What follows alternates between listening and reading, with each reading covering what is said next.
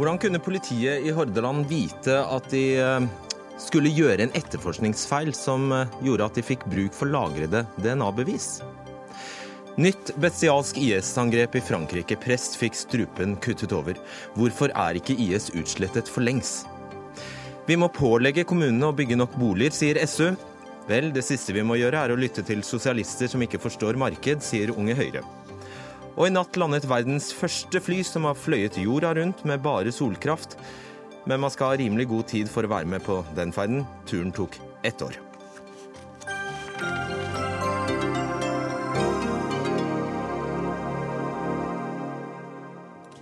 Da ønsker vi god kveld og velkommen til Dagsnytt 18. Jeg heter Fredrik Solvang. Donatas Lykosevicius ble mandag dømt til 18 års forvaring for drapet på Monika Sviglinskaja i 2011.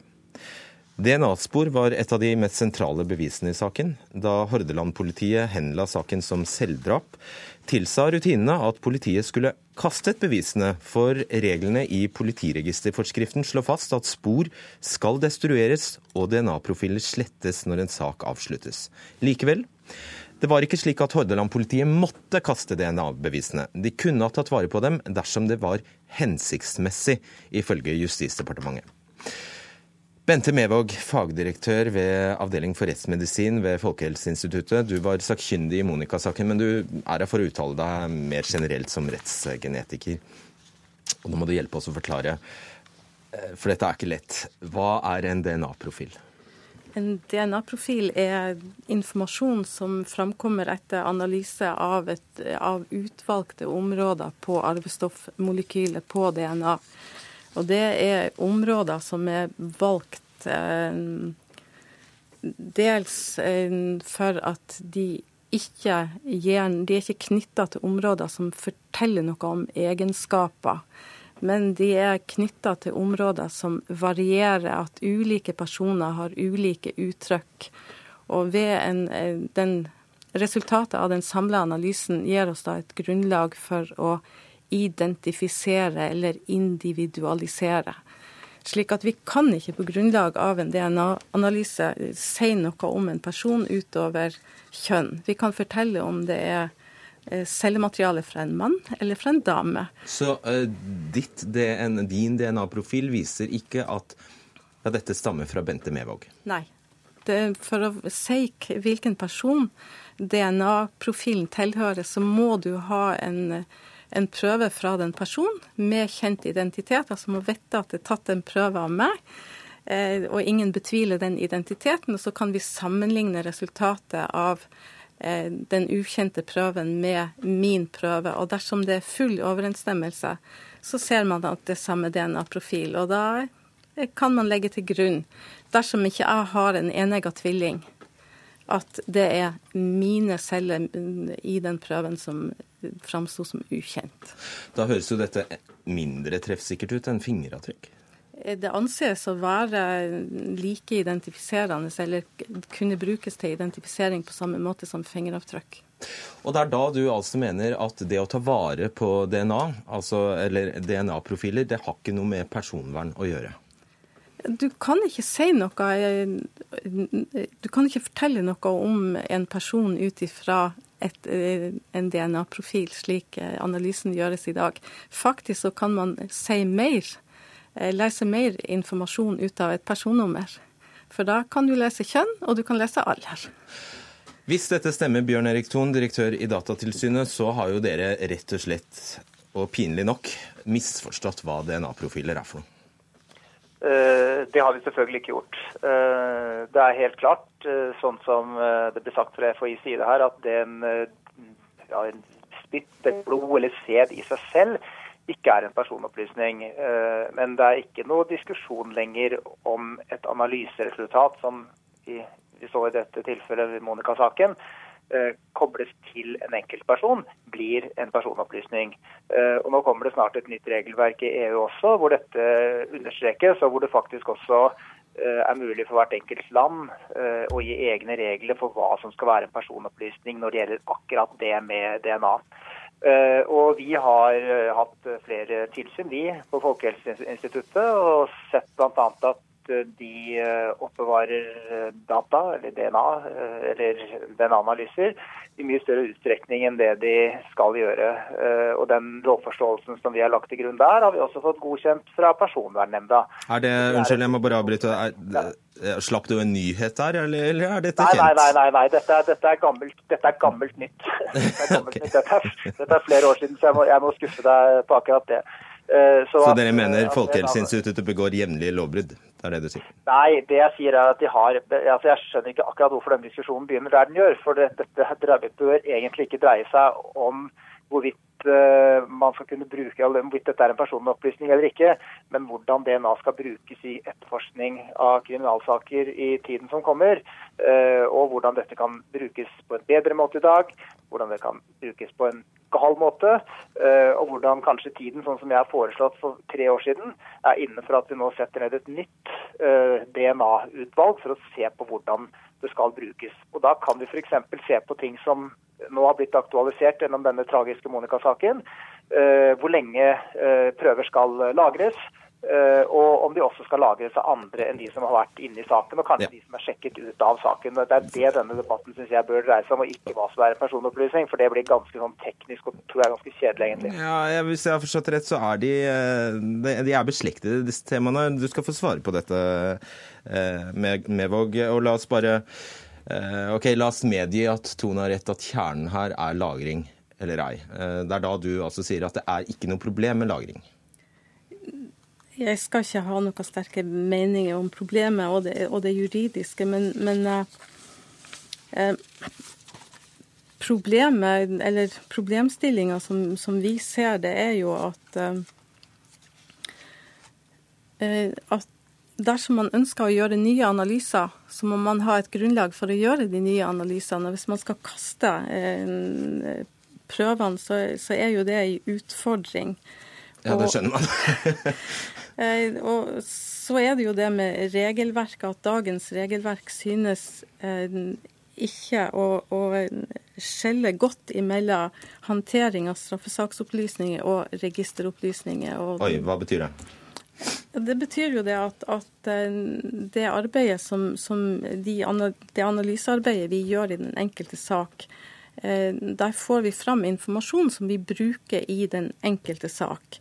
Og det hender at i en spesifikk sak så, så får man fram informasjon som da eh, kall det kvalifisere for, eller som bør til DNA-registeret. Som er en slags sekundærbruk av den informasjonen som, som framstilles.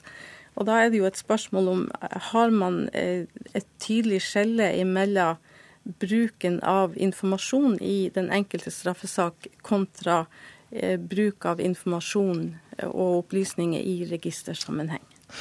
Vi skal gå til deg, Asbjørn eh, Strandbakken. Du er jusprofessor og dekan ved Det juridiske fakultetet i eh, Universitetet i Bergen. Og du har kalt regelverket personvernhysteri med klar adresse til, til Datatilsynet. Monica-saken ble oppklart, så hva er egentlig problemet? Hvorfor bruker vi denne tragiske anledningen til å diskutere dette? Nei, fordi at eh, jeg syns at dagens regelverk hvor en må slette og kvitte seg med alt bevis som er innhenta i en avslutta straffesak eh, og innhenting av bevis generelt, at det skal slettes eller ikke oppbevares på en betryggende måte, det setter et stort spørsmål ved rettssikkerheten. Fordi Det som er viktig for meg, det er at en ettertid skal faktisk kunne gjennomgå bevismaterialet på nytt. En skal dokumentere at RMI ikke er eller ikke har forbudt prøver osv. Så videre, sånn at det med etterprøvbarhet fremstår for meg som helt uh, grunnleggende rettssikkerhetsgaranti. Hvis vi har påstander om folk er uriktig dømt, så skal vi faktisk kunne ettergå bevisene i ettertid for å få avklart akkurat det. Så du vil snu på det? Jeg mener at det er et alvorlig rettssikkerhetsproblem at vi ikke har mer betryggende oppbevaring av bevis, enten det er henleggelse, frifinnelse eller domfellelse. Ok, det er, ja, jeg må bare stramme bak. Det veldig, det er veldig synd, men det er veldig dårlig eh, linje til deg. Så eh, Ton, eh, altså hvis eh, retts... Altså, eh, Strandbakken vil jo snu, snu, opp ned på dette og sier at rettssikkerheten må jo komme først. Uh, rettssikkerhet er selvfølgelig veldig viktig. og Jeg syns ikke vi skal diskutere viktigheten av DNA-bevis, for det er veldig viktig. Og det er anerkjent i mange mange år at det har betydning. Og det vi har sett en utvikling nå, spesielt de siste tre årene etter at Riksadvokaten kom med nye retningslinjer, er jo at det tas DNA-prøver i langt flere saker enn tidligere. Uh, Oslo-politiet tok i 2013, etter hva de har sitert på i media for et års tid siden, 8500 DNA-prøver. Og mange av disse er for relativt bagatellmessige forbrytelser. Og det tas også under etterforskningen. Eh, og Vi har også sett en annen ting, nemlig såkalt samtykkebaserte DNA-prøver. Eh, at det blir begått en, eh, en voldtekt i et område, og så innkaller man da typisk menn som har vært i dette området, som da kan peiles f.eks. via mobiltelefonen eller på andre måter, og innkaller de til en frivillig DNA-prøve. Uh, og har, uh, og, og, så, så, vi ser at, bruken av DNA den griper om seg. Den brukes i stadig større grad. Uh, og jeg føler at her går liksom utviklingen sånn skritt for skritt, uten at vi tar den litt sånn store debatten og spør hvor langt skal vi la dette gå. For DNA er et utrolig potent, potent materiale. Den brukes til veldig mange ting. Og jeg syns det er det som er det interessante å, å, å diskutere i denne saken. Uh, nemlig hvordan dette skal brukes fremover. Og Det er derfor jeg tar til orde for at vi bør nedsette dette utvalget til å se på ja. denne bruken. Uh, uh, og selvfølgelig også da diskutere personvernperspektivene i dette. For det kan jo ikke være noe tvil om at når man altså, lager prøver som kan si så mye om et menneske som DNA, at det har noen ganske klare sider i personvern. Ove Vanebo, du er statssekretær i Justisdepartementet for eh, Fremskrittspartiet. Altså bare spol, La oss spole tilbake til utgangspunktet her. Vi sitter altså her og diskuterer dette fordi politiet angivelig skulle forholde seg til en uh, retningslinje eller en, et rundskriv som uh, en instruks som sa at de skulle ha slettet dette DNA-beviset. Stemmer det? Det er jo sånn at, altså Her tror jeg nesten jeg må ta litt historikk i det. For det er sånn at Dette er en problemstilling som vi har vært opptatt av veldig lenge. Eh, allerede i januar så tok vi kontakt med Politidirektoratet for da å se på lagringstid eh, knytta til eh, biologisk spormateriale. Så har vi hatt en del prosesser videre, hvor Riksadvokaten har kommet med midlertidige retningslinjer for politimesterne og, og Kripos eh, i uoppklarte saker. Så det har jo for så vidt vært gjort en del allerede. Og i juni så vedtok regjeringen at eh, så lenge det er hensiktsmessig, så kan man da lagre biologisk spormateriale. Og hva betyr det? Det betyr da at uh, selv om saken ikke er oppklart, så vil det være mulig å lagre den type materiale så lenge det da anses hensiktsmessig. Og Så kan man diskutere om det er klart nok. og Det er vel egentlig derfor vi, vi sitter her. Det er derfor vi sitter her, vet du. Ja. For hvordan skulle politiet i Hordaland kunne være forutseende nok til å forstå at oi, her kan vi komme til å begå en etterforskningsfeil som i sin tur vil påkalle bruk for, uh, av DNA? Ja, og det, det illustrerer problemstillingen. For i Monica-saken så mente man jo at saken var oppklart. Eh, og Nettopp av den grunn så har vi vært i kontakt med Politidirektoratet, som eh, sier klart og tydelig i dag at eh, utover høsten så kommer vi til å ta en gjennomgang som flere etterlyser her, nettopp for å få da et mer helhetlig og tydelig regelverk, sånn at man slipper for det første at det kan være varierende praksis, det kan være et problem. Men så er det også det med at det kan være behov for å tydeliggjøre hvor lenge man skal lagre det, og ikke minst hva man skal lagre. Ja, hvorfor gjorde dere ikke det når dere først kom med en presisering? Eh, vi kom jo for så vidt med en presisering når vi sa at det var hensiktsmessig. For det var, Som ingen skjønner nå? Eh, nei, altså det var tydeligere enn det var før. Og det har vært tilbakemelding om at det har vært bedre enn det var tidligere. Men det, det er jo igjen sånn at uh, man kan se at ting kan gjøres bedre, og nettopp derfor så kommer vi til å ta tak i det og ta en gjennomgang med Politidirektoratet utover høsten for å sørge for at det nettopp da er tydelig nok. Og hva vil Du altså du har vel en mening som politiker, du trenger vel ikke å lene deg på Politidirektoratet eller byråkratene der for å mene noe om det. Skal DNA-bevis kunne, kunne, lagres etter at saken er, er oppklart, eller ei? Det skal vi komme tilbake til etter å ha fått fakta på bordet. Eh, for det er jo, altså Jeg, jeg, jeg syns det er litt eh, nærmest uforsvarlig å si at det skal være slik eller slik. For her har både Datatilsynet og Strandbakken kommet med vektige innvendinger. Og jeg har ikke lyst til å ta stilling til det før vi har, har fått fakta på bordet. Og jeg tror også at uh, Megvågs gjennomgang viser at dette er litt mer komplisert enn at vi bare kan si dette rett over bordet her. Ok, Strandbakken, nå skal du være med oss igjen for en forhåpentligvis litt bedre linje. Denne forskriftsendringen eller denne presiseringen av, som Justisdepartementet kom med i juni om å, å, å, kunne lagre hvis det er hensiktsmessig. Hvordan vil du karakterisere den? Nei, Den er på ingen måte tilfredsstillende. For eh, hva, hvem skal avgjøre hva som er hensiktsmessig osv.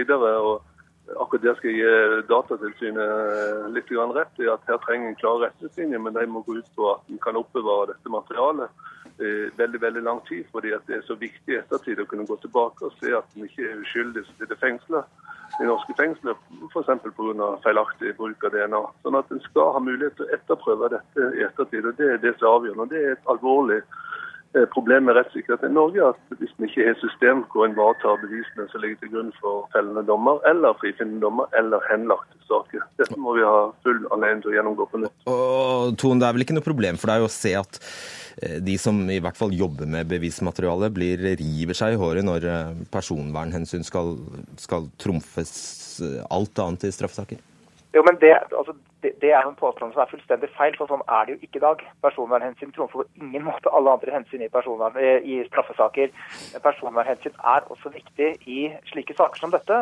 Eh, for dette handler altså om opplysninger om hver enkelt menneskes DNA som kan stå i et register eller ligge i en straffesak. Og hva hvis man blir frikjent i en sak?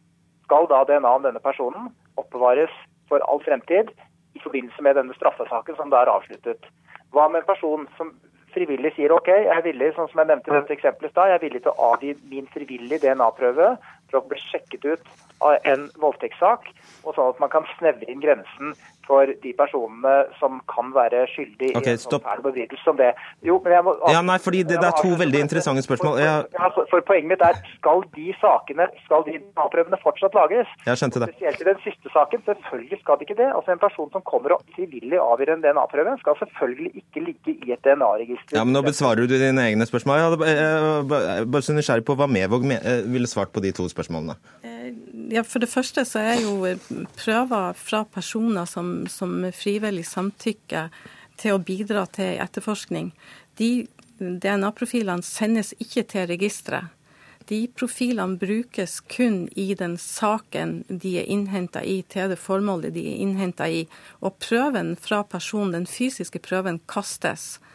Så det og det gjelder i begge eksemplene hans? Ja. Så det er kun resultatet av prøven som vil bli oppbevart. Og da er det jo nettopp i, i forhold til eh, å dokumentere resultatet. For det er jo like viktig å kunne eh, dokumentere, vise grunnlaget for når man utelukker, som når man inkluderer. Så etter mitt syn så er det et rettssikkerhetsspørsmål å, å, å, å oppbevare de profilene for å kunne besvare nettopp de spørsmålene som Strandbakken eh, stiller. Har, har du ikke tenkt på det, Tor? Selvfølgelig har jeg tenkt på det, men det, altså, det er jo ikke vi, altså, Når vi var på tilsyn i Folkehelseinstituttet, så fant vi profiler på frikjente, fornærmede, på vitner som lå lagret der. Uh, så det tas vare på materialet.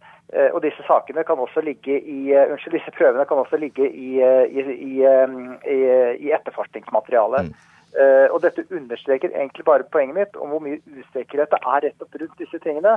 Uh, så hvis vi skal gå inn, og, og, og, Jeg er veldig glad for at statssekretæren i Justisdepartementet sier at vi skal ha en gjennomgang av det. Der er det viktige rettssikkerhetsmessige spørsmål som kommer, som både gjelder å få domfelt riktig person og få frikjent de som fri, skal være frikjent. Men det er også en side til personvern som handler om at folk som ikke har gjort noe galt, Eh, folk som er frikjent fra forbrytelser, kanskje, de som har avgitt frivillige eh, prøver osv., at de ikke skal havne mm. i et eller annet register eller i en eller annen straffesak. Og Det er det som jeg tror blir en morsom debatt utover høsten. Skjønner det, men Mevag, svar kort på. altså Ton får jo Folkehelseinstituttet til å høres ut som et eneste stort roteloft. Ja, men Det er det ikke. Vi forholder oss til den, til, til den gjeldende lovgivninga, og vi kan ikke slette på eget forgodtbefinnende. Vi må slette på, på, oppdrag av en bestilling fra de behandlingsansvarlige. Og det, vi følger de, de påleggene vi får. Eh, eh, men igjen, det Ton sier, viser jo at, at det er et, et, et, stort behov for å få ja. den gjennomgangen og få en klargjøring av hvordan man skal håndtere opplysninger i registersammenheng og opplysninger i den konkrete enkelte straffesak. Og Når kommer den gjennomgangen, Vanbo? Den eh, kommer til å bli satt i gang så snart som mulig. Nå er det jo snart eh, med fellesferien, og da setter vi i gang. Med gjennomgang. Stemmer. Flott. Takk skal dere ha, Bjørn Erik Thon, Asbjørn Strandbakken, Ove Vanbo og Bente Mevåg.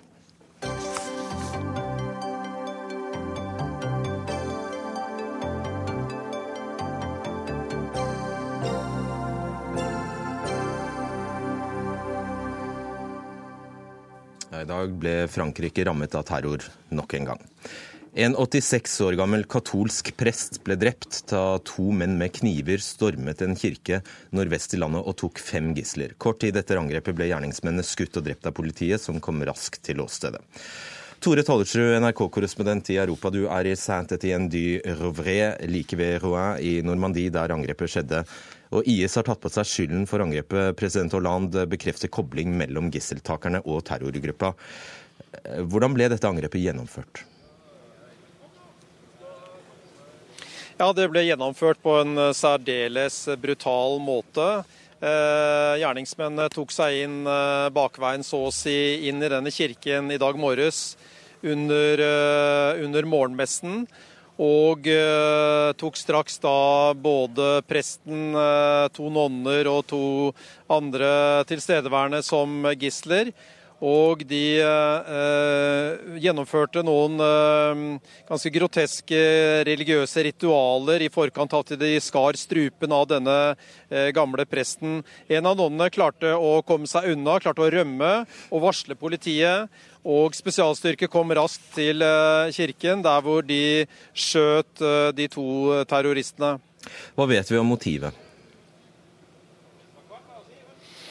Ja, eh, Det er jo åpenbart at dette her er folk som er tilknyttet IS. Det har jo IS selv lagt ut på, på sine sider. Og måten de oppførte seg på, er åpenbart at de har hatt religiøse motiver for, for det de har gjort. Og så langt vet vi altså at presten som heter Jacques, eller het Jacques Amel, ble drept i angrepet. Vet vi noe om tilstanden til eh, de fire andre, altså to nonner og to eh, kirkegjenger? Nei, Én skal være kritisk eh, skadd fortsatt. Jeg har snakket med en del folk her lokalt som jo er fullstendig sjokkert over det som har skjedd. Og Det gjennomgående er at denne presten, som også ble drept på denne svært brutale måten, var meget respektert. Han blir eh, omtalt som en eh, svært god person. Og de understreker også at dette, denne forstaden til eh, byen Rouen i Normandie er ellers et ganske rolig sted, og at, at, byen selvfølgelig er fullstendig sjokkert over det som har skjedd. Ja, hvor følbar, altså det, det, er jo det er, det er unntakstilstand i, i, Frankrike etter, etter terroren i, i, Nis, og som du påpekte var politiet svært raskt på stedet. Hvordan føler man denne høynede beredskapen i Frankrike nå? Nei, man eh, ser jo eh, politi eh, overalt. Eh, det er jo slik at de har hatt unntakstilstand her helt siden eh, Paris-angrepene eh, i fjor høst. Og politiet har fullmakter til å gå inn og gjøre ting som de ellers ikke har. Og det er vel ingen tvil om at du allikevel nå vil få en debatt om franske myndighetene gjør nok Eh, den debatten kom etter eh, angrepene i NIS, og den vil selvfølgelig nå komme igjen i og med at man eh, har fått vite en del om at en av disse personene har vært i politiets søkelys i halvannet år, og har til og med forsøkt å komme seg inn til Syria. Ja, Vi kommer til å få høre mer, mer, mer om denne saken utover. Tusen takk skal du ha, Tore Tollertsrud. Kristian Berg Harpviken, direktør ved Institutt for fredsforskning, PRIO. Du følger eh, utviklingen i Europa eh, tett. Det kan jo nå nesten virke som det ene angrepet utløser det andre. Eh, er det konturen av en smitteeffekt? Ja, jeg tror nok det er en smitteeffekt vi, vi, ser. Det er for mange angrep nå til at vi kan avskrive dette som en helt tilfeldig oppsamling. Og selv om det er et IS-element i dette angrepet utenfor Roa, så har vi jo sett flere andre angrep de siste dagene der det er vanskeligere å se at det er en direkte kobling til IS eller andre internasjonale terrororganisasjoner. Sånn at eh, Det er også en smitteeffekt i den forstand at det her antagelig handler mer om ustabile mennesker som lar seg inspirere av den volden eh, som IS står for, enn egentlig organiserte aksjoner eh, utgått av IS sin sentrale ledelse. Atle Mese, du er terroranalytiker og gjesteforeleser ved Universitetet på Ås. La ta tak i dette. Finnes det forskning som underbygger at eh, man kan snakke om en smitteeffekt blant psykisk ustabile mennesker? Altså Det eh, som vi vet fra, fra terrorforskningen, det er jo at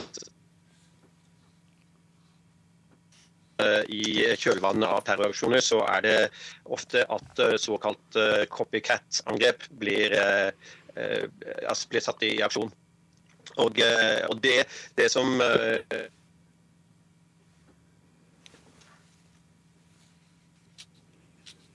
Vet du hva, vi prøver å ringe opp uh, Atle Mesøy uh, på telefon.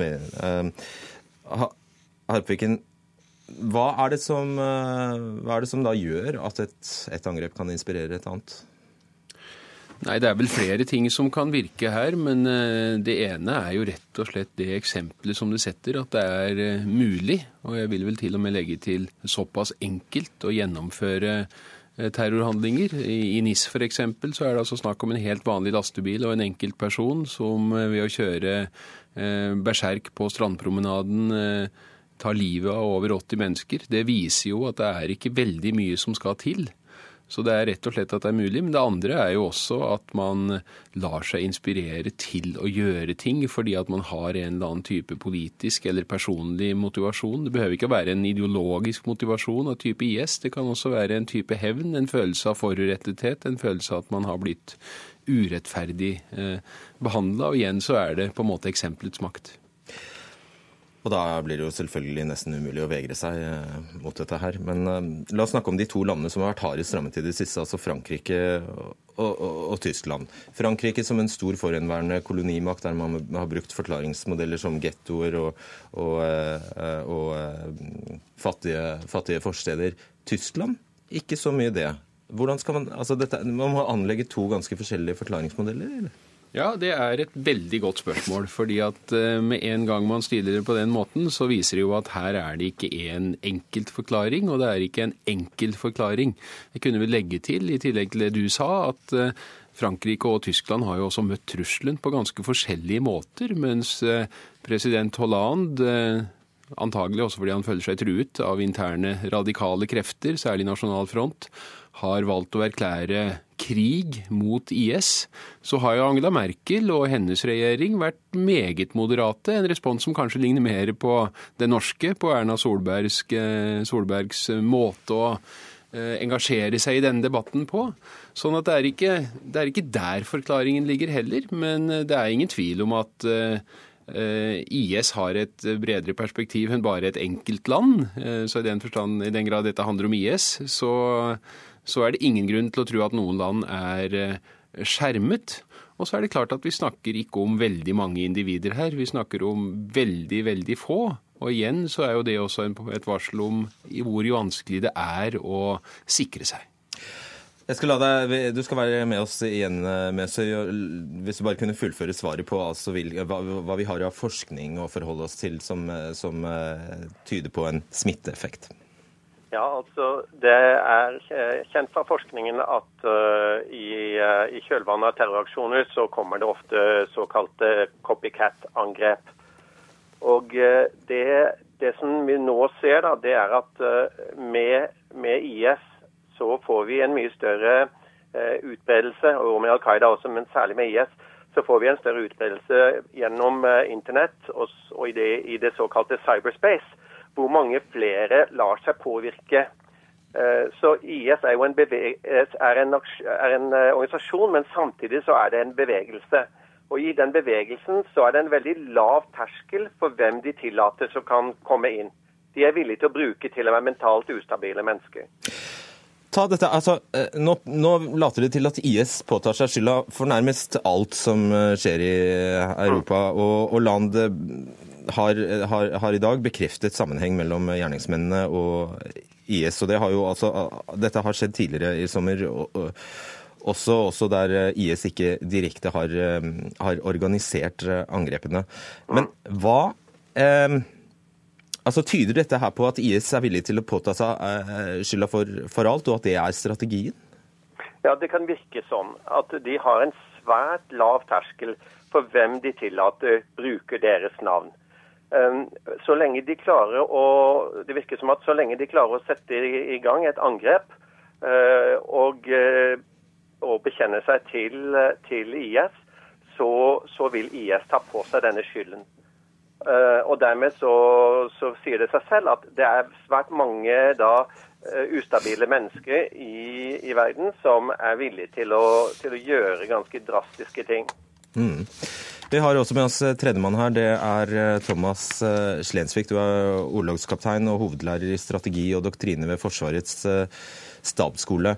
Altså, Jeg skal bare raskt ta oss, oss gjennom noe av det som har skjedd tidligere her i, i løpet av ramadan. Altså, I juli ble, altså begynnelsen av juli så ble 200 drept i noe av det blodigste av selvmordsangrep man har sett i Bagdad på årevis. Så var det, før det var det gisselaksjon på en kafé i, i hovedstaden i Bangladesh. Så var det aksjonen mot Atatürk, flyplassen i Istanbul, selvmordsangrep i Jemen, Jordan, Libanon. Det har vært angrep i Israel. Og, og vi husker også massakren på nattklubben i Orlando. Eh, og IS har påtatt seg ansvaret for mye av dette her. Altså, hvordan er dette mulig når vi eh, også annenhver dag hører at eh, koalisjonen gjør framskritt i å svekke IS territorielt og økonomisk og militært? For det, for det, første så har jo IS hatt en ambisjon om å opprette et kalifat, eller altså en islamsk stat med muslimske lover, i området til Syria og Irak. De er på defensiven på så å si alle områder der nå. De, de mister stadig vekk territorier. Eh, de mistet jo nettopp eh, Fallujah, og de irakiske styrkene nærmer seg storbyen Mosul. Det er jo en av de viktigste byene som ISIS kontrollerer, hvor de har både inntekt og de har en rekrutteringsbase. Eh, I nord så driver de og mister store områder mot eh, syriske demokratiske styrker. Eh, og de har også tapt områder til den syriske regjering. De mister altså det strammet inn på muligheten for å komme seg til landet, så tilslutning av nye rekrutter blir færre. Og de mister inntektskilder. Så I forbindelse med det så har de nå eh, henvendt seg faktisk i, i forbindelse med ramadan og oppfordret mot nettopp angrep mot Europa og USA. Eh, det, det, er nok. Ja. Ja. Tolker, tolker, du det slik da at dette er enden på noe, eller altså Hva er det? Det ISIS er nok ikke bekjempet ennå. Det, det, vil nok ta lang tid før de er fullstendig bekjempet territorielt. Men de er helt klart eh, på, på defensiven, og de ønsker jo å vise at de selv om de er på defensiven, og selv om kanskje drømmen om et eh, kalifat er eh, i ferd med å rakne, så er ikke kampen over. De ønsker å markere seg ved å oppfordre til terrorangrep, spesielt av Europa og USA. Eh, det er, nok, det er nok ikke noe sentral koordinering av disse angrepene. De henvender seg til enkeltpersoner som nå ikke kommer seg til området, eller som har kommet tilbake fra området, eller er ellers ideologisk tilknyttet ISIS. Så det, det man vil nok se, er enkeltmennesker eller små grupper av mennesker som på eget initiativ Eh, utfører terroraksjoner i ISIS sitt navn. Men det de selvfølgelig oppnår, Hartviken, er jo å sette, sette en støkk i oss alle og få oss til å gå på tå hev. Og når, når, vi ser oss rundt, så kan det jo virke som at eh, vi har IS fra Filippinene via Midtøsten gjennom Afrika til Europa og til USA nå. Ja, det er, kan se sånn ut. Nå kan det jo være verdt å ta et lite skritt tilbake og så bare notere seg at på tross av at eh, vi er veldig opptatt av konflikten i den muslimske verden nå, så er det altså store deler av resten av verden som nærmest er fri for konflikt. Det gjelder store deler av Afrika, det gjelder hele Latin-Amerika og det gjelder store deler av Asia. Sånn at det er eh, Vi skal ikke helt glemme det. Men eh, de siste 15 årene så har selvfølgelig den muslimske verden gått fra å være et ganske blanda territorium til å veldig stor grad være preget av konflikt og være preget av grupper som bruker terror. Og det er ingen grunn til å underkommunisere IS sin vilje til å bruke vold. Og kontrasten til Al Qaida, som vi var opptatt av for 5, 10 eller 15 år siden, når det gjelder eh, omfang på volden og kapasitet til å utøve vold, er jo også ganske skremmende. Og Mesøy, eh, det er jo ingen tvil om at slike punktangrep og aksjoner vil polarisere de vestlige landene og dermed skape mer fremmedfiendtlighet, noe som igjen gir IS mulighet til å rekruttere flere, så har vi det rett og slett gående. Ja, men det som er viktig, det er at vi, vi, må, vi må, se hvert angrep for seg, og så må vi plassere de på de rette stedene. Sånn at vi, vi vet hva vi skal sette inn mot de forskjellige typene av angrep. Og Det er viktig å ikke blande alle sammen. IS, IS opererer på så mange forskjellige kanaler, og da må vi ta hver kanal for seg. Men alle de kanalene de må, de må ta tak i. Det er, det, er, det er, svært viktig. Men når de er så mangeartede, og når de har så forskjellige Ja, altså De kanalene som det er snakk om, de, de, opererer med celler, de opererer med undergrupper. De opererer stort på internett, eh, altså i cyberspace. Og de har, eh, de har, støttegrupper i tillegg, som du nevnte, på Filippinene og, og andre steder. Eh, I Pakistan f.eks. Sånn at eh, det er, eh, det er viktig å se det at det, i tillegg til å være en gruppe eh, og en, en saudostat, så er de også et nettverk og en bevegelse. Og Derfor må vi tenke svært nyansert, og vi må ta tak i må få med de beste kreftene på hvert område. Og Slensvik, da lurer på, altså, I helgen var det altså et angrep i, et IS-angrep i Kabul i Afghanistan, som, som, angivelig skulle være det første i sitt slag. Så ser vi altså at de har gått fra å ønske opprettelsen av et, muslim, et islamsk kalifat i Irak og Syria til nå å skjære strupen av katolske prester i, i Normandie. Eh, hva, hva, det, hva skjer? Nei, det, ISIS har jo hatt uh, her jo en ambisjon om å etablere en, et storkalifat, ikke bare i Syria og Irak. Dette skulle bare være starten på et større kalifat som skal gjenerobre ideologisk sett det, hele det store kalifatet fra, fra middelalderen. Eh, slik sett så forsøker de stadig vekk å tilknytte seg grupperinger rundt omkring i, andre, i andre områder. Eh, mens i eh, Europa og USA så, så er det vel mer en, eh, en, en individuell oppfordring mot å, å, terrorisere samfunnet for å vise at de fortsatt eksisterer, og at de skaper kaos i, i disse samfunnene. Som igjen skal selvfølgelig prøve å få rekruttering og få ISIS på kartet og, og få flere folk til å støtte dem. Og Harpviken, du nevnte Al Qaida, men hvor har det blitt av dem? Al Qaida finnes fortsatt, men det er klart at Al Qaida sliter. Det er IS nå som er den eh, store globale terrorbevegelsen, islamistiske terrorbevegelsen, og som eh, i en viss forstand er i framdrift. Al Qaida er eh, på mange måter utdatert. De har ikke lykkes på samme måte. De har ikke lykkes å ta i bruk den nye teknologien på samme måte som, som IS har. Så det finnes fragmenter av Al Qaida, ikke minst i området Pakistan over mot Afghanistan. Men eh, det er IS som er den store terrororganisasjonen i dag, utvilsomt. Hmm. Uh, med, altså, er det, Vi var så vidt innom det her. Når du sier at man må ha adekvate altså Man må takle dette her på ulike fronter. Hvis internett er så eh, så viktig eh, for, eh, for denne terrorrekrutteringen. Og, og, internett er jo internett. Ja, det er nettopp det. Og, og, For noen år tilbake, det er ikke mange årene tilbake, så sa man at det var ingen av terrorgruppene som var til stede f.eks. på Twitter. I dag så er alle der. Og eh, Internett er blitt en kanal som gjør det mulig for små organisasjoner å, å holde en, en svært god kontakt med sine medlemmer til, til, eh, til, en, rimelig, eh, til en, rimelig, penge. Sånn at, eh, og, og, I tillegg så er det et rom. Det er et rom som man kan bevege seg i i og, med, i og med at det er så sterke symboler og det pøses ut med så mye informasjon som går i løpet av svært kort tid til hele verden. Og Det er en stor utfordring, og, og myndighetene må jobbe helt målrettet på å slå ned den type aktivitet. Det er noe av det viktigste, som, som jeg ser det nå, i tillegg til å bekjempe IS strategisk. Kort Hartvig.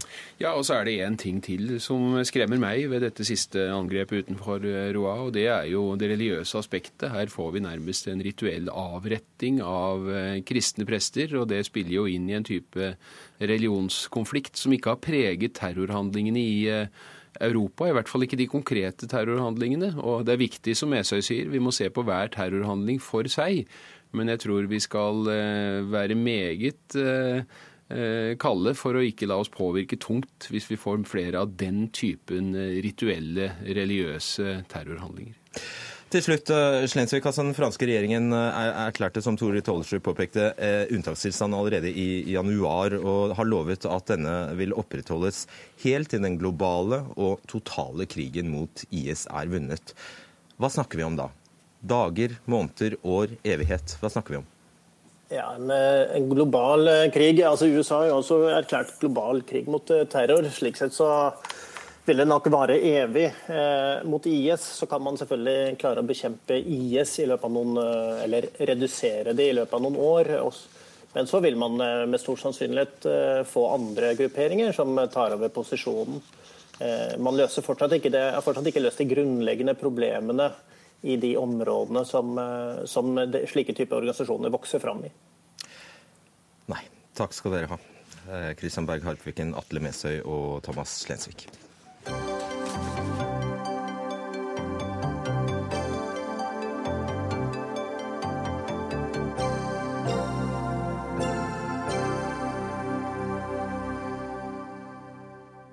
Skal vi snakke om noe helt annet. For boligprisene fortsetter å stige. Det blir vanskeligere og vanskeligere for unge å komme seg inn på boligmarkedet. I 2015 steg boligprisene i Oslo med nærmere 10% og en SSB-rapport fra juni spår en nasjonal vekst på 22% innen 2020. Andreas Skjalg Underland, du er leder av studentlaget i Bergen SV. Og du eh, hva, er, hva er problemet? Problemet er jo at vi har hatt en eh, ekstrem økning av boligprisene i Norge de siste to tiårene. Eh, og det er en økning som gjør at eh, spesielt unge nå blir stående utenfor boligmarkedet. De har ikke en inngang til å komme seg inn, og boligmarkedet løper stadig raskere fra unge, unge folk og folk som har mindre ressurser. Og det er en utfordring alle de ungdomspartiene står utenfor. Overfor. Det er en av de store utfordringene eh, for vår generasjon. Og hvordan sikre bolig til alle, som har vært et politisk prosjekt i Norge i så lang tid. Så det er altså, bolig, eh, altså boligprisstigningen som er problemet? Ja, Det er en del av problemet. Boligmarkedet som helhet, både leiemarkedet og eiemarkedet, er et problem. Hvis folk blir gående og leie i veldig mange år som de gjør nå, så gjør jo det det vanskeligere for at de kan bygge opp egenkapital, komme inn i boligmarkedet mm. og få den inngangen de trenger. Syver Hanken, sentralstyremedlem i Unge Høyre. Er du enig i denne problembeskrivelsen? Jeg er helt enig i at eh, boligprisene er for høye, og at det er et problem for mange. Okay. Eh, problemet her er jo hvordan man ser på løsningene. Og Prisene i boligmarkedet de kommer jo av en grunn. Det er, de møtes på et marked der folk kjøper og selger ting til den prisen man blir enige om. Nå er altså tilbudet altfor lite, så da blir prisene altfor høye. og Da er det tilbudet vi må gjøre noe med. Da sier du Underland, altså da har du to tiltak. Ta det første først, nemlig at uh, skattleggingen av sekundærboliger bør økes. Ja, jeg er jo helt enig i at uh, boligprisene i dag øker. Både fordi at vi bygger for lite og økt tilflytning til byene. Men en grunn av det er jo at det er en kunstig vekst. Vi har et boligmarked som i dag tilrettelegger for spekulanter og gjør det attraktivt å investere mye mer i å eie bolig eh, enn å investere i andre deler av næringslivet. Og da er jo nettopp det å øke skatten på sekundærboliger, folk som eier flere boliger eller bedrifter som eier eh, veldig mange boliger. Det vil føre til en reduksjon. Og du er selvfølgelig klar over at uh, det store skatteforliket på Stortinget innebærer nettopp dette her. Så du ja, slår inn åpne dører. Ja da. Det ja. innebærer en eh, beskjeden økning, men som kunne vært betydelig større. nettopp. Enig, Hanken? Nei, altså, men jeg er jo enig i at det er en skjevhet i hva som er lønnsomt å investere i. Eh, og det hadde vært mye mer lønnsomt for samfunnet om flere investerte i arbeidsplasser og bedrifter. Forskjellen mellom meg og Underland her er at han vil skattlegge boliger mer, mens jeg vil da gjøre det mer lønnsomt å investere i bedrifter, f.eks. ved å senke bedriftsskatt, ved å senke utbytteskatt. vi det generelle skattetrykket på bedrifter for å gjøre skjevheten, løse skjevheten på en annen måte. Så du er uenig med eget parti, moderparti?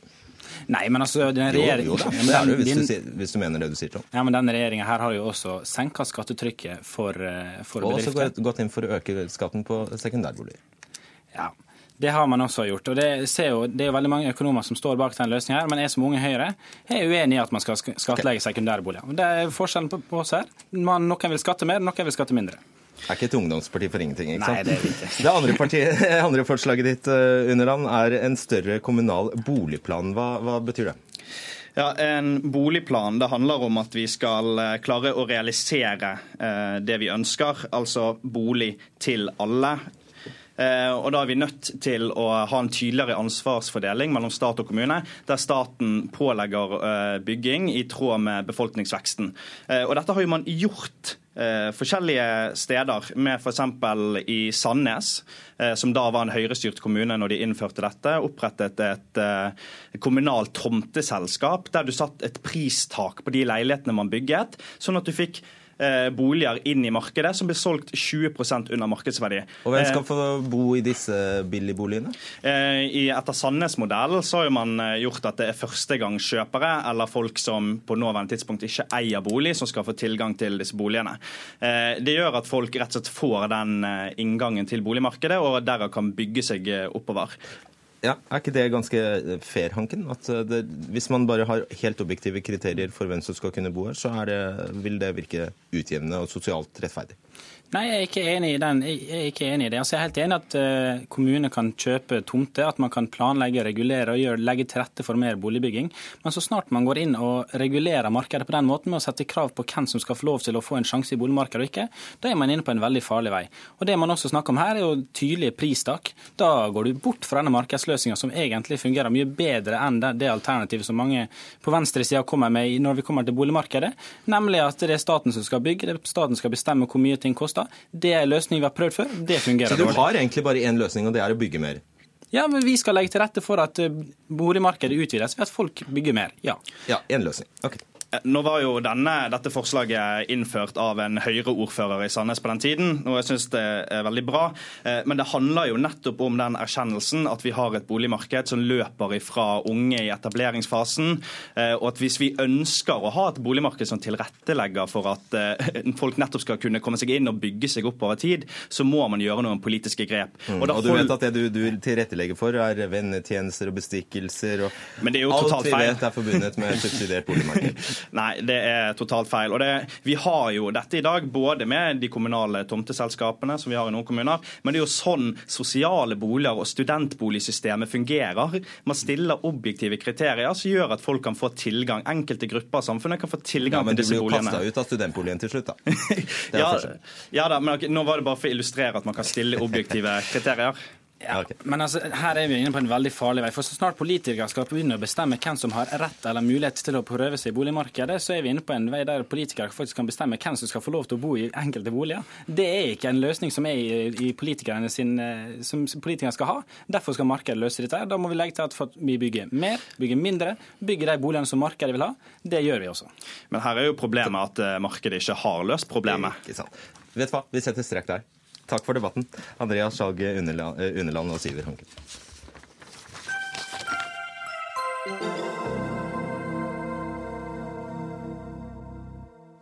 Natt til i dag landet solcelleflyet Solar Impulse 2 i Abu Dhabi etter å ha gjennomført verdens første soldrevne jordomflygning. Eh, flyets vinger var dekket av solceller som eh, driver, driver, fire propeller og lader opp batterier som gjør det mulig å fly om natta. De to sveitsiske pilotene brukte over ett år på ferden med mål om å øke oppmerksomheten rundt klimaendringene og fornybar energi. Og Marius Holm, daglig leder i Miljøstiftelsen Zero, du kan litt om dette eh, flyet. Hvor stor prestasjon er det egentlig? Jeg vil nok sammenligne det litt med vår egen gamle helt Amundsen i altså i, mot og kreativitet som ligger bak denne prestasjonen. Eh, jeg hadde jo gleden av å møte Bertrand Picard, som er gründeren her, på Zero-konferansen i, i, i, forfjor. Han var foredragsholder der og inspirerte jo alle med den historien om et fly som har flydd nå 40 000 km uten å fylle en eneste dråpe drivstoff. Og Han sa jo også da han var her at uh, han var litt uh, engstelig når han gikk om bord i et fly som faktisk hadde en tank som kunne gå tom. så det er jo historien om et energisystem som aldri går tom for drivstoff, dette her. Selv om vi selv om det ligger langt fram i tid at fly, vanlige fly kan gå på solceller, så, så, er det en illustrasjon på et energisystem som klarer seg uten fossil energi, og som går og går og går og aldri må fylles på. Så hva mener du det forteller oss? Ja, Det forteller oss jo eh, det som eh, det, altså det, er egentlig hele historien som vi i miljøbevegelsen prøver å fortelle i kort, eh, i et fantastisk ja, smart presentert, nemlig at eh, sola og de andre fornybare energikildene gir oss eh, nok energi til å holde hjula gående og skape en eh, blomstrende økonomi uten å ødelegge klimaet samtidig. Men så vidt jeg har skjønt, så klarer ikke dette flyet verken å lette eller lande bare med hjelp av solenergi? Jo, det, det klarer det, men, men, det er klart at dette er jo et veldig lett fly. Det er, og, det er, og det er jo interessant også fordi han eh, har jo, nå, har jo da en måte, vært en pioner nå innenfor ganske mange ting samtidig med dette prosjektet. Én ting er solcellene, en annen ting er batteriene, som, gjør, som, eh, jo er avanserte for å klare å være lette nok og sånt å gjøre dette her. Men det tredje er jo at flyet er eksepsjonelt lett og smart konstruert. Og det å, å lage effektive, energieffektive og materialeffektive eh, løsninger er jo en like stor del av miljøløsningen som selve den fornybare energien. Så hva, altså det er bare vingespennet her her tilsvarte faktisk en Boeing 747. Mm. Altså kjempe, kjempedigert vinge, mm. vingespenn. Men er, selv, om, selv, om, du tok meg, tok meg på det at, at, akkurat dette flyet klarte å lette å, å lande med sol, solceller, så er ikke det, så er det der det butter når det gjelder å, å dimensjonere opp et fly ja. altså med flere enn to passasjerer. Et, et, vanlig passasjerfly har jo eh, mange tonn med drivstoff. Eh, og Skulle man hatt den samme energimengden i batterier, så du, eh, må du gange det med ti i antall tonn. Eh, så det er klart at eh, det ligger veldig langt fram i tid at fly kan være elektriske. De, I, i veldig, veldig, mange år framover så vil nok biodrivstoff og effektivisering av flyene være det som kan kutte utslipp per personkilometer i fly. Eh, men det er viktig at vi gjør denne typen ting, fordi vi må ha nye løsninger. Og, og batterier altså vi skal ikke utelukke at vi om 20 år har en batteriteknologi som er helt annerledes enn i dag, som er mye lettere og som får plass til mye mer energi per kilo. Sånn at det er mulig å dekke kanskje en stor del i hvert fall av energiforbruket i et fly med eh, strøm fra enten batterier eller hydrogen. Stilig. Men du skal være ganske tålmodig passasjer hvis du skal være med på en sånn ferd som dette her. Det har tatt ett år? Ja, det, De har ikke flydd i ett år, da. De rekke et møte da? De har ikke, de har ikke flydd sammenhengende i ett år, tror jeg. Det er vel, det er vel at de har brukt en del tid eh, underveis på hvert sted de har besøkt. og det er jo det som også er litt spennende prosjekt. de har flydd rundt hele verden, og de har uh, dette drivstoffet som de bruker, altså solenergi, det har de da fått tak i over hele verden, fordi uh, det er nettopp det som er så flott med sol. Den finnes overalt. Uh, kanskje med unntak av Nord-Norge om vinteren. men ellers så finnes solenergi overalt, og er kanskje den beste demokratiske energikilden vi har, fordi alle har tilgang til den. Vi skal diskutere nettopp det kanskje mangelen på sol i Norge. Fordi hva, eh, hva, skal, hva, med solkraft her i landet, selv om vi altså står langt framme på forskning og på produksjon av solcellepaneler? Eh, har ikke det norske markedet opplevd noen solcelleboom, det må vi kunne si. Bare 0,009% av den totale elektrisitetsproduksjonen i Norge kommer fra solkraft, ifølge det internasjonale energibyrået IEA. Og godt er det, fordi det er ingen vits i å satse på solenergi i Norge, mener kraftselskapene. Og du representerer dem, Oluf Ulseth, administrerende direktør i Energi Norge. Er det sånn at du mener sol, solenergi er rett og slett overflødig her til lands? Det kan vi ikke si, men Utviklingen i Norge er også at solkraft i dag er mer tilgjengelig enn noen gang før. Og i og for seg Både myndigheter og nettselskaper legger godt til rette for at de som ønsker å bygge solceller på taket, kan gjøre det. Men eh, når du sier at en forsvinner liten andel som eh, solkraft, så må vi ta med at ja, det er jo fordi vi har over 99 eh, som er vannkraft. Så vi har jo allerede nesten 100% fornybar energi til elektrisitet i Norge. Og Det er jo med det utgangspunkt vi også må se på diskusjonen om solkraftens uh, rolle i Norge. Altså En konkurranse på teknologikostnader mellom sol, vind, vannkraft og batteri, det må jo vi i kraftbransjen som i alle markeder ønske velkommen. Og bare de siste ukene har altså flere tradisjonelle kraftselskaper lansert tilbud til kunder som ønsker det. Men utgangspunktet i Norge er helt annerledes og mye bedre enn i nesten alle andre land i Europa. Bjørn Tore, du er ja. Bjørn Tore. Ja, bare ta, ta med, ikke sant? Vi, vi har, det, det, er veldig annerledes at vi både har nesten 100% fornybar allerede, og vi har et stort kraftoverskudd. Så det spørsmålet her er jo når du har et kraftoverskudd, eh, og den allerede er fornybar, eh, hva skal virkemidlene og hva er utfordringene i energipolitikken fremover? Hardt kjent, ja. Bjørn eh, Torud, seniorrådgiver og ansvarlig for solenergi i Multiconsult. Det stemmer det at faktisk 99 eh, eller 99% av kraftforsyningen kommer fra vannkraft. Så hva skal vi med sol? Nei, sol, sol, kan spille en viktig rolle i energisystemet som sådan, hvor både sol og vind og vann kan si utfyller hverandre. Sånn at eh, det, Sol har fordeler som vann ikke har, og vann har fordeler som sol ikke har. og Det samme gjelder vind, for så vidt. da. Så De spiller på lag. da. Det er jo sånn at Kraftbransjen har et begrep som heter tørrår. Ja, Det er typisk et år hvor det regner lite, og da har vi jo gjerne mye mer sol. da. Sånn at det, det passer veldig bra sammen. Men har vi bruk for den?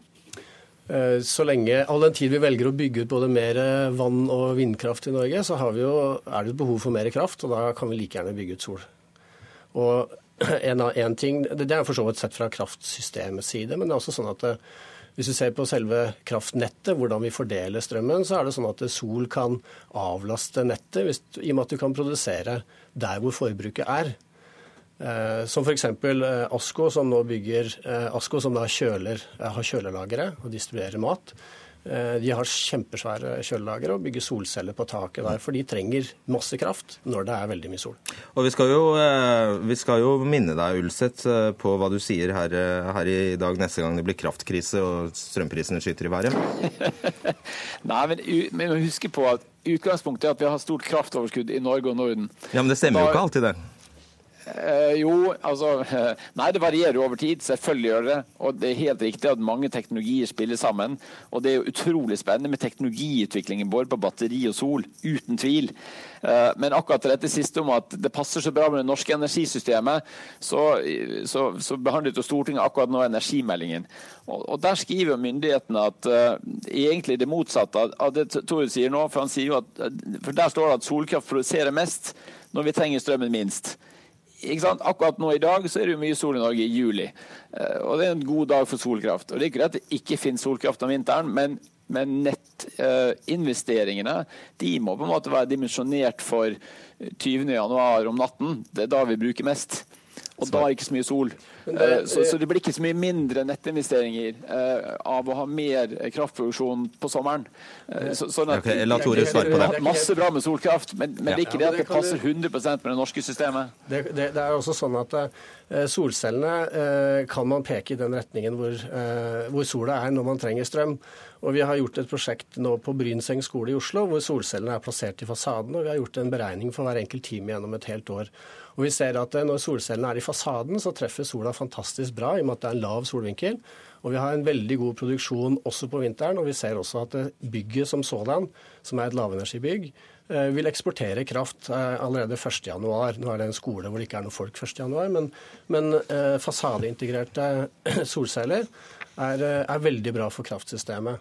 Og det er også sånn at eh, Sett fra byggenes ståsted, altså bygningssektoren, så bruker vi allerede mer penger på fasadeelementer eh, som ikke er solceller per kvadrat, altså pris per kvadrat for de bygningselementene som brukes i mange fasader i dag, er høyere enn det det koster for solceller.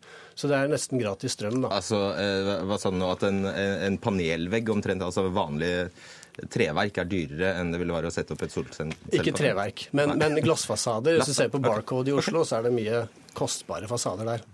Du vil si noe, du vil si noe Ja, altså, jeg, må jo, eh, jeg kan jo gi eh, rett i at vi har en god kraftsituasjon i dag. Men så er det jo eh, for det første sånn at vi skal erstatte all den fossile energien vi bruker til andre ting, med, med i stor grad med strøm. Og den strømmen har vi ikke for hånden. og Solenergi representerer den eh, måten å produsere strøm på som har aller minst naturinngrep, og, og passer bra sammen med det vi har fra før. Og det andre er jo at eh, ja, vi har kraftoverskudd i Norge nå, men eh, landegrenser er jo på en måte streker på et kart. Og vi er jo et land i en region med en stor andel fossil kraftproduksjon. Så vi kan produsere mer sol, og vi kan bruke vannkraften i enda større grad til å hjelpe naboland med å balansere et kraftnett med sol og vindkraft. Og Er det ikke nokså sannsynlig Ulseth, at du vil ha historien på, at du vil stå på feil side av historien her når du, med, den, med, med det standpunktet du har nå, når helt sikkert det vil være mulig å lagre solenergi om snart? Ja, snart? Ja, men det, det, er ikke noe for. Altså En teknologikonkurranse hvor kostnadene blir lave, det er jo som jeg sa, det er jo det vi må regne med et marked. Og Selvfølgelig vil det kunne endres over tid. Men hvis vi ser på Norges situasjon med det helt unike utgangspunktet at vi har så mye fornybar energi allerede i dag, og vi til og med har en byggsektor som ikke slipper ut fordi den bruker stort sett elektrisitet til oppvarming, så har vi et annet utgangspunkt. Og Mitt hovedpoeng er ikke for eller mot sol. Mitt hovedpoeng er at vi trenger ikke subsidiere inn mer fornybar energi i et marked som allerede har nok. Finn Lie har satt i, gang, satt i gang sitt hemmelige triks, nemlig å kjøre på med musikk under der. Det betyr at det er over. Takk skal dere ha, Marius Holm, Oluf Ulseth og Bjørn Tore. Dagsnytt 18 var ved Ingebjørg Sæbu, eh, Finn Lie og Fredrik Solvang. God kveld.